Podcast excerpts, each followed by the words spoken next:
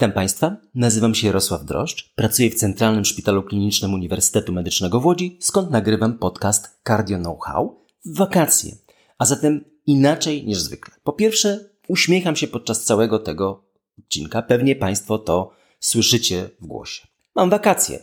Po drugie, będzie krócej. Po trzecie, wiecie Państwo, zazwyczaj piszę sobie to, co mam powiedzieć. Teraz tego nie piszę. Nie będzie transkryptu, ale będzie oczywiście gorzej, bo nie jestem do tego nagrywania teraz dobrze przygotowany. I kolejne elementy wiążą się z tym, że będzie to poświęcone w zasadzie jednej tematyce postępy kardiologii klinicznej. A zatem, jeśli Państwo chcecie słuchać normalnych kolejnych odcinków z nowości w kardiologii, zapraszam naturalnie od początku września. Natomiast przez lipiec i sierpień będą takie krótkie opowiadania o różnych elementach. Dziś niewydolność serca, rozdział Roberta Morawca. Robert Morawiec jest młodym lekarzem, uzyskał specjalizację w tym roku i napisał tekst, bo taka jest koncepcja monografii postępy kardiologii klinicznej, że to młodzi ludzie piszą. Ja na to patrzę, poprawiam pojedyncze wyrazy i to jest wszystko. Cała moja inwencja ogranicza się do wyboru właściwych osób, do właściwych rozdziałów. Oczywiście piszą to lekarze praktycy, czyli ci ludzie, którzy są na pierwszej linii frontu medycznego w klinice kardiologii w Centralnego Szpitala Klinicznego. W związku z tym, jak piszą, to wiedzą o czym piszą, bo dokładnie w tej materii pracują dzień i noc, bo przecież cała grupa dyżuruje.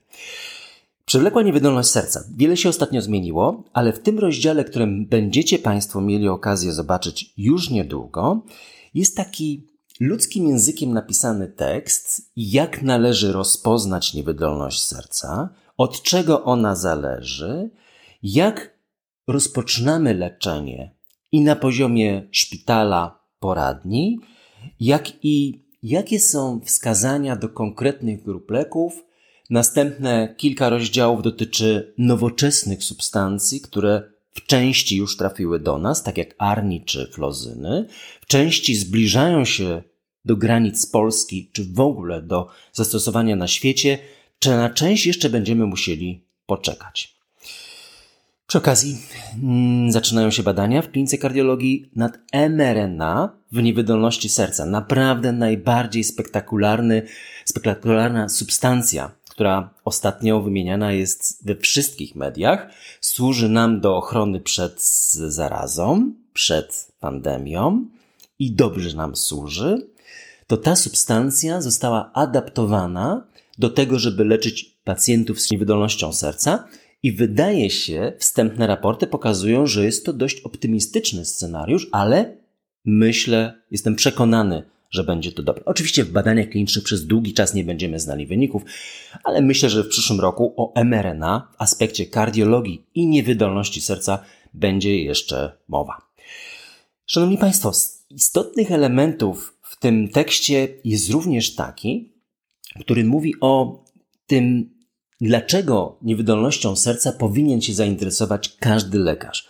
A zatem, jeśli Państwo jesteście kardiologami, to nie musicie słuchać tego akurat fragmentu, bo wiecie, że pacjenci z niewydolnością serca szturmują nasze gabinety w poradniach kardiologicznych, poradniach POZ-u, w oddziałach internistycznych i szpitalnych. Przyglądamy się temu bardzo z dużym niepokojem i widzimy, że każdego roku ta ilość pacjentów rośnie. Mniej więcej ilości 10% każdego roku więcej. Zatem po kilku latach będziemy mieli zdublowanie tej liczby chorych, którą widzimy dzisiaj. Ważne, żeby uzmysłowić sobie fakt, że niewiele się na tej arenie zmieniło przez ostatnie lata i gwałtownie ulega zmianie nasze podejście do niewydolności serca poprzez chociażby szybkość włączania leków, jak i zakres włączania tych leków, jak i wybór konkretnych substancji, konkretnych dawek w konkretnych sytuacjach.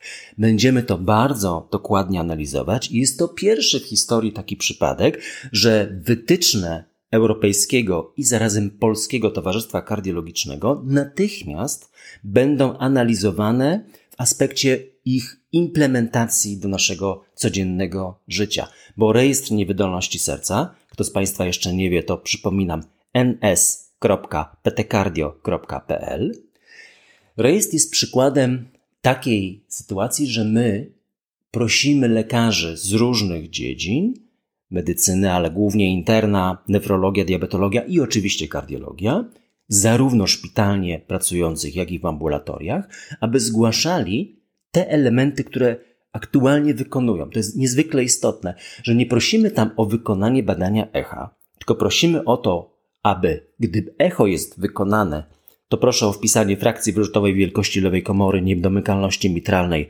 trudzielnej czy aortalnej, ale jeżeli echo nie jest wykonane, to w zasadzie jest tylko kliknięcie nie wiem. Tak? Bo to jest istotą rejestru, że on pokazuje to, co się rzeczywiście wykonuje.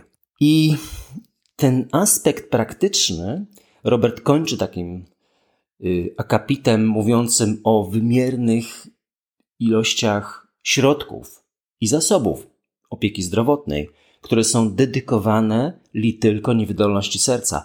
Przypomnę tu tylko Państwu, że jeżeli spojrzymy na taką listę choroba, wydatek w aspekcie Polski, Ministerstwo Zdrowia, oczywiście Narodowy Fundusz Zdrowia, ale to są nasze środki, to choroba numer jeden to niewydolność serca i w obrębie niewydolności serca to hospitalizacje. I dlatego wytyczne niewydolności serca skupiły się na tym, abyśmy tą epidemię niewydolności serca zahamowali poprzez szybkie wdrażanie leków, które są skuteczniejsze od tego, co Państwo do tej pory robiliście. Wytyczne, mówiliśmy o tym tydzień temu, dość znacznym stopniu zostały przebudowane. Mówiliśmy o tym jeszcze również na takiej sesji Polskiego Towarzystwa Kardiologicznego, która również przełamała pewien schemat. Schemat był do tej pory taki. Mamy wytyczne, ok. Wspominamy o tym jednym zdaniem, przygotowujemy się do wystąpień, przygotowujemy dokumenty itd. Tak Teraz zrobiliśmy inaczej.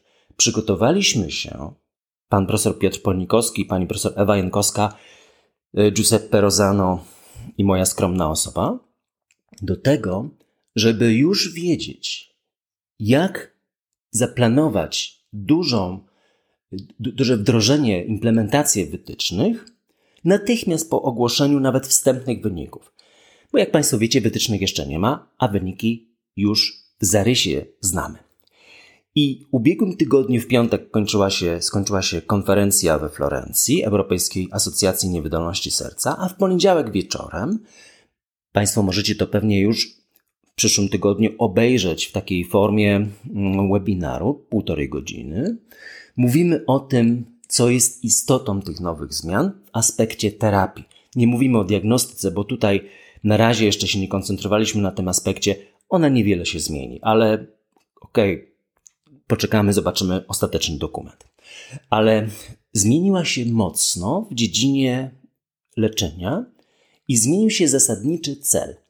Bo przypomnę Państwu, że ten zasadniczy cel do tej pory był taki: skupić się i sekwencyjnie wdrożyć wszystkie cztery stare grupy leków: inhibitor, beta-adrenolityk, antagonista aldosteronu i diuretyk oczywiście również. A potem etapami zwiększać dawkę i niektórzy obliczyli, że to trwa od 3 do 6 miesięcy.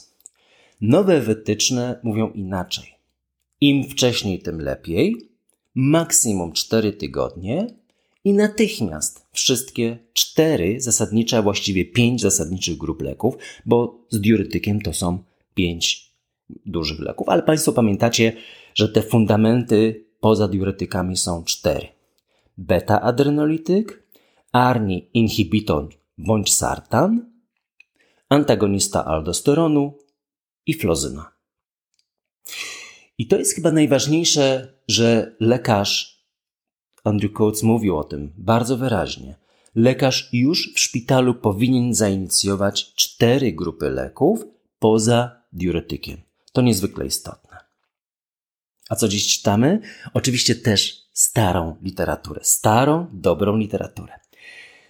Kiedy w ubiegłym roku, przepraszam, to było chyba już dwa lata temu, rozpoczynała się pandemia, czyli mieliśmy taki okres luty, marzec, jak Państwu kiedyś opowiadałem, u mnie w rodzinie to troszeczkę wcześniej wystąpiło.